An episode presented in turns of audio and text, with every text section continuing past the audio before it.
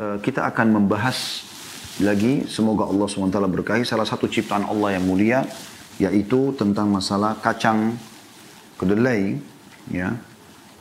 Seperti ini kurang lebih bentuknya dan tidak asing lagi di Indonesia.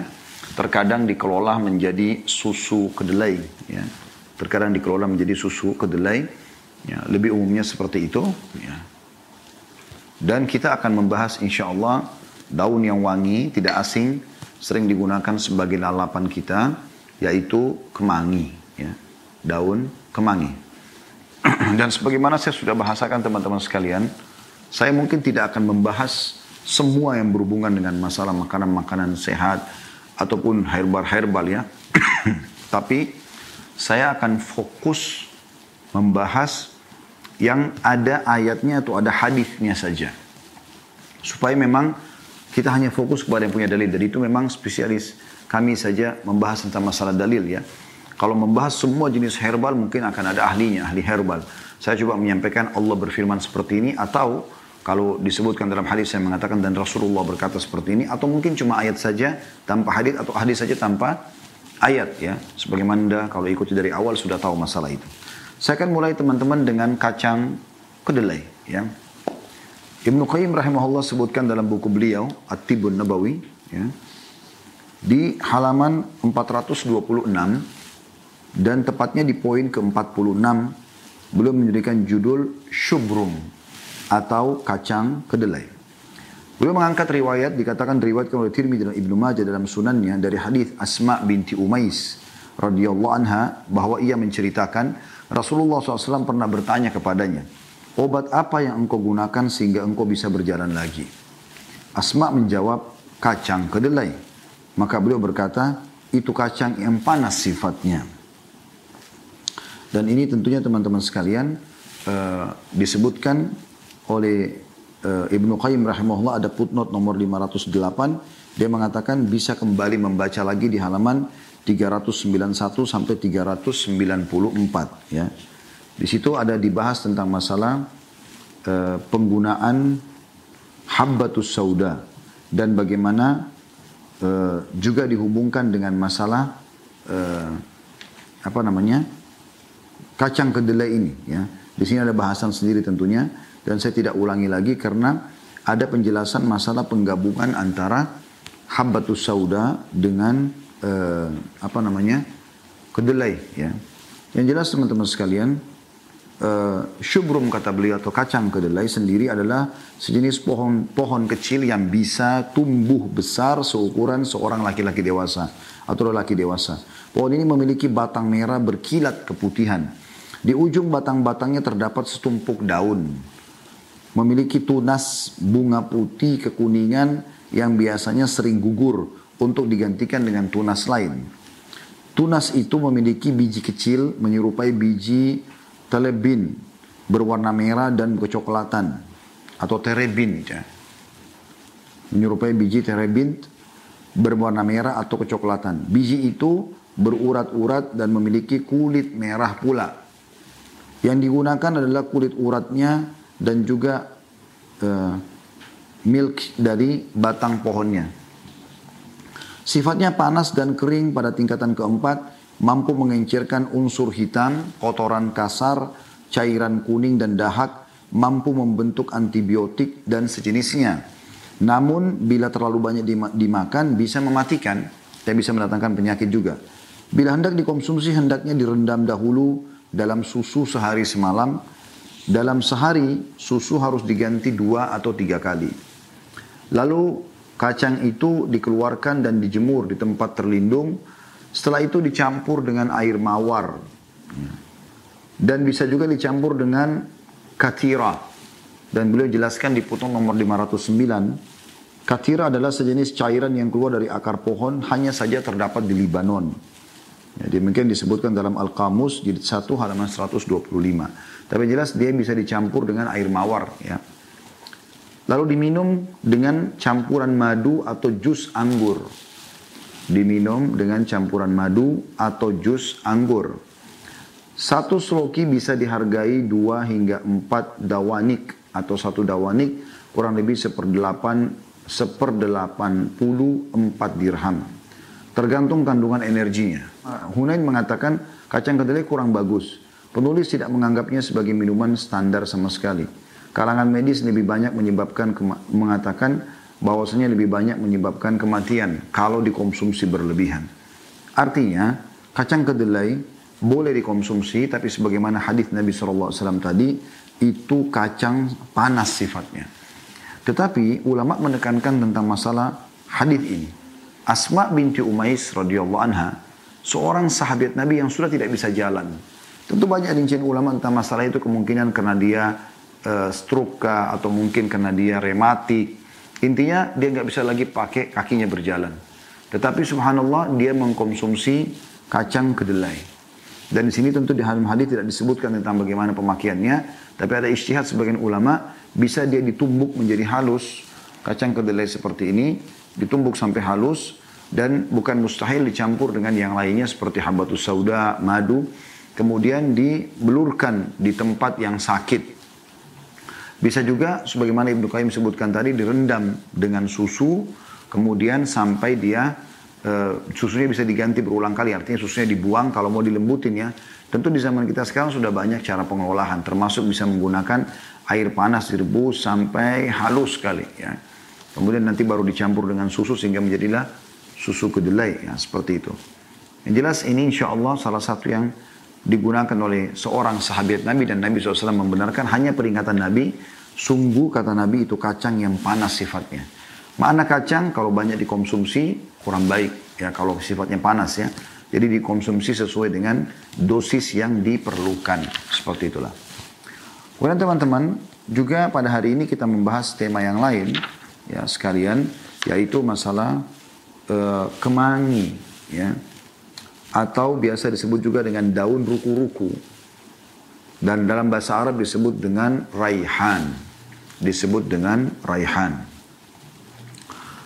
Allah subhanahu wa ta'ala berfirman diangkat oleh Ibnu Qayyim masih di dalam kitab uh, Tibun Nabawi di halaman 409 jadi tadi kita di Syubrum itu atau kacang kedelai di halaman 429 426 sekarang kita mundur ke 409 ya. Beliau mengatakan di poin 33 raihan atau dalam kurung daun daun kemangi atau daun ruku-ruku. Allah Subhanahu wa taala berfirman tentang daun-daun yang seperti ini, maksudnya daun yang mengeluarkan bau wangi ya. Dalam surah Al-Waqiah ayat 88 sampai 89 yang berbunyi a'udzubillahi minasyaitonirrajim kana minal muqarrabin faraihu wa raihanun wa jannatu na'im Adapun jika orang yang mati termasuk orang-orang yang didekatkan kepada Allah, orang saleh dan saleha, suka beribadah semasa hidupnya, dan semoga kita termasuk insya Allah di dalamnya, maka dia memperoleh rezeki dan wewangian, serta surga yang penuh kenikmatan. Ada ucapan Allah SWT sini, wa faraihun wa raihan. Kalimat raihan maksudnya adalah akan ada daun yang berwangi ya, atau wangi-wangi yang akan didapatkan di surga. Dan, ula, dan orang Arab mengambil istilah daun yang wangi dari kalimat ini ya, raihan. Juga diangkat oleh uh, Ibnu Qayyim rahimahullah dari istilahnya adalah surah Ar-Rahman ayat 12 yang berbunyi a'udzubillahi minasyaitonir rajim wal habbu asfi war raihan war raihan ini saksi bahasanya dan biji-bijian yang berkulit dan bunga-bunga yang harum baunya. Dalam sahih Muslim diriwayatkan dari Nabi SAW bahwasanya beliau bersabda Barang siapa yang ditawari minyak wangi, jangan ia menolaknya. Karena minyak wangi ringan dibawa, akan tetapi harum baunya. Maksudnya adalah, kita sudah bahas dalam bahasan minyak wangi masalah itu ya. Tetapi masuk dalam di sini menurut Ibnu Qayyim rahimahullah, termasuk dalam bentuk makanan yang wangi. Minuman yang wangi. Maka itu berarti ada pengaruhnya. ya Karena dia mudah untuk dikonsumsi dan juga baik manfaatnya bagi jiwa kita dan sebagaimana sudah kita rincikan panjang lebar tentang masalah manfaat mencium wangi-wangian ya bagaimana dia bisa menyegarkan tubuh meningkatkan uh, apa namanya uh, stamina sehingga akhirnya tentu kekebalan tubuh kita juga meningkat ya. Kemudian Ibnu Qayyim menyebutkan di lanjutan bahasannya sementara dalam Sunan Ibnu Majah dari hadis Usama radhiyallahu anhu dari Nabi sallallahu alaihi wasallam beliau bersabda Tidakkah ada di antara kalian yang bekerja keras untuk mendapatkan surga? Surga tidak mengandung bahaya. Gak ada sesuatu yang menyakitkan dan menyulitkan di sana. Demi surga dan Rob pemilik Ka'bah, surga itu adalah cahaya yang bersinar-sinar. Penuh wewangian yang menggetarkan jiwa.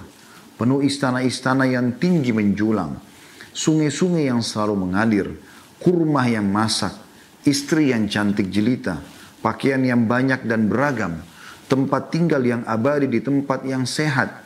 Buah-buahan dan sayur-sayur atau sayur mayur, sandang pangan dan kenikmatan dalam sebuah tempat yang tinggi dan juga megah. Salah seorang sahabat berkata, kami mau wahai Rasulullah. Semua itu dapat kami dapat. Kami mau ya Rasulullah. Kata Nabi SAW, katakan insya Allah. Maka mereka mengatakan insya Allah. Tapi saksi bahasan kita di sini teman-teman sekalian adalah perkataan Nabi SAW penuh dengan wangian yang menggetarkan jiwa. Bisa bermakna memang dari pohon-pohon dan daunnya mengeluarkan wangi, buah-buahannya wangi, ya, tanahnya wangi, bangunannya wangi, para pelayan-pelayannya wangi, semuanya wangi.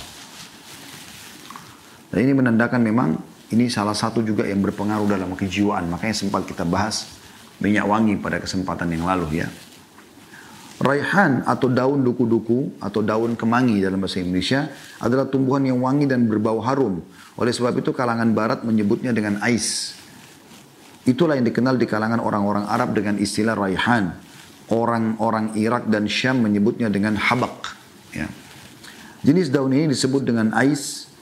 Ya. Memiliki karakter dingin pada tingkat pertama dan kering pada tingkat kedua. Di samping itu juga memiliki komposisi energi yang saling berlawanan yang dominan di dalamnya adalah unsur bumi yang dingin. Ada juga sejenis unsur panas yang halus. Khasiatnya adalah meringankan sakit kepala, memiliki daya pengering yang kuat sekali. Masing-masing unsurnya hampir sama kekuatan energinya. Daun ini mengandung kekuatan mencengkeram dari luar dan dalam sekaligus bila diminum atau dioleskan. Jadi dari dalam dia bisa mengobati, dari luar pun dia bisa mengobati. Daun kemangi juga berhasiat menghentikan mencret, bisa mencegah timbulnya uap panas dan lembab dari dalam tubuh. Bila dihirup baunya, berfungsi juga menenangkan detak jantung dan menimbulkan kegembiraan. Bahkan juga mencegah wabah penyakit menular. Jadi subhanallah kita kalau menghirupnya, ya, ada wanginya, maka kita akan ya di sini dikatakan menenangkan detak jantung, menimbulkan kegembiraan, bahkan juga mencegah wabah penyakit menular. Caranya juga bisa dengan meletakkannya di rumah. Ya, mungkin di sini kami tidak bisa mendatangkan atau tidak sempat mendatangkan pohonnya. Teman-teman juga bisa menanamnya di rumahnya sebagaimana aloe vera dan juga henna. Daun kemangi juga berhasil mengempeskan pembengkakan dalam dua cara. Bila dicampurkan ke dalam makanan dan bila ditumbuk daunnya lalu digigit sedikit dicampur. Ya atau digigit setelah dicampur sedikit dengan cuka buah. Nah ini sudah kita bahasakan juga cuka apel kemarin ya. Bila dibaurkan di kepala, bisa memberhentikan darah mimisan. Bila daun yang sudah kering ditumbuk lalu ditaburkan di atas koreng yang basah, akan berhasiat sekali. Daun ini juga berhasiat memperkuat organ tubuh yang lemah bila dibalutkan. Ya. Berguna juga mengobati penyakit agnail. Bila ditaburkan di jerawat dan koreng pada bagian tangan dan kaki juga berhasiat. Daun kemangi ya. Apabila daun kemangi ini dibalurkan di badan, bisa berhasiat menghentikan pendarahan serta menghisap cairan kotor serta bau busuk pada ketiak. Jadi dia dihancurin, ya, sudah menjadi seperti serbuk, ya, baru kemudian dioleskan di badan. Mirip seperti bedak, seperti itu ya. Mungkin bagi teman-teman yang suka lulur juga ya, ini bisa menggunakan tentunya uh, daun kemangi, ya, seperti itulah. Bila dimasak, lalu seseorang duduk di atas uapnya, keluar uap karena mendidih, bisa berhasil mengobati penyakit ambeien dan hernia, serta tulang rapuh. Bila perasan airnya disiramkan ke bagian tulang yang patah, dan belum ditumbuhi daging baru berhasiat memulihkannya. Bisa juga mengatasi ketombe, bisul dan luka di kulit kepala. Nah, biasanya orang kalau sering keringatan, kemudian dia teman-teman yang banyak pakai helm, ya kemudian tidak sering menyampoi rambutnya. Nah, biasanya ada pengaruh di sini ya. Sering ada bisul-bisul, ya, ada jerawat di kepala. Nah ini termasuk daun kemangi sangat bagus ya. Jadi Anda juga bisa ambil, ditumbuk jadi serbuk, lalu ditaruh di air, digenangkan, dibiarkan. Nanti dipakai mandi ya, ya dipakai usap. Nah, seperti itulah. Jadi sekali lagi dikatakan, uh, saya ulangi bila dimasak, lalu seseorang duduk di atas uapnya bisa berhasil mengobati penyakit ambeien dan hernia serta tulang rapuh.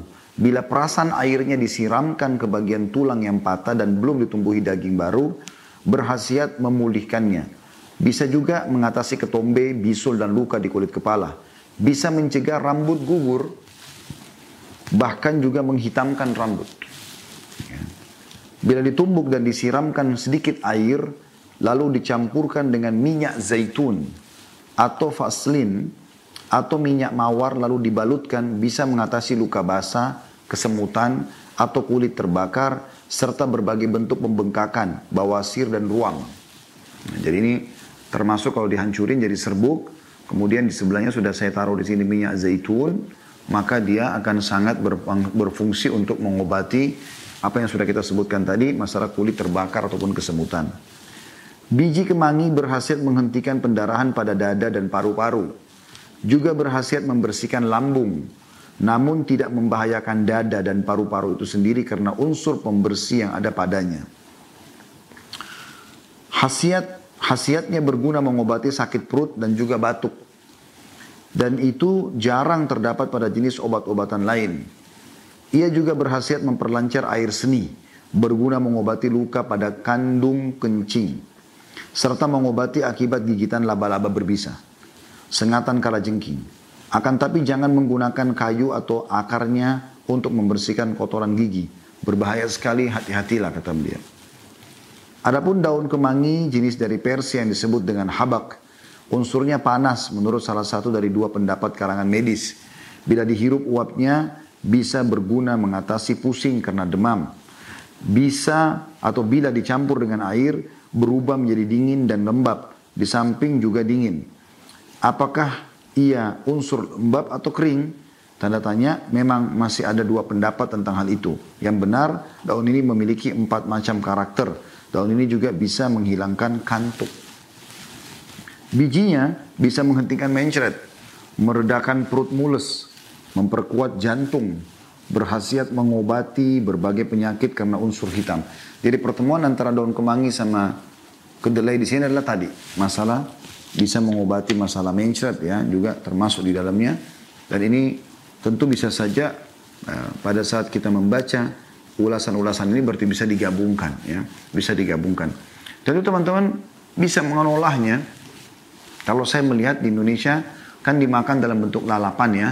Kemangi supaya wangi ya. Seperti teman-teman di Jawa Barat terutama saya berapa kali masuk dihidangkan segar. Ini juga bagus ya. Kemudian juga bisa e, kalau mau lebih banyak manfaatnya tentu ditumbuk jadi halus. Tadi saya bilang dicampur dengan air lalu kemudian dipakai mandi ya untuk mengobati luka-luka yang ada di kulit ya, ya pembusukan tadi bisul, nana dan seterusnya gitu kan. Ini juga bisa dicampur dengan minyak zaitun sebagaimana sudah kita jelaskan tadi ya bahwasanya ini akan memberikan manfaat. Ya. Ini insya Allah teman-teman sekalian bahasan kita berhubungan dengan dua hal yang kita bahas pada siang hari ini. Semoga Allah SWT memberikan manfaat kepada kita semua tentang masalah kacang kedelai dan juga daun kemangi, ya, daun kemangi.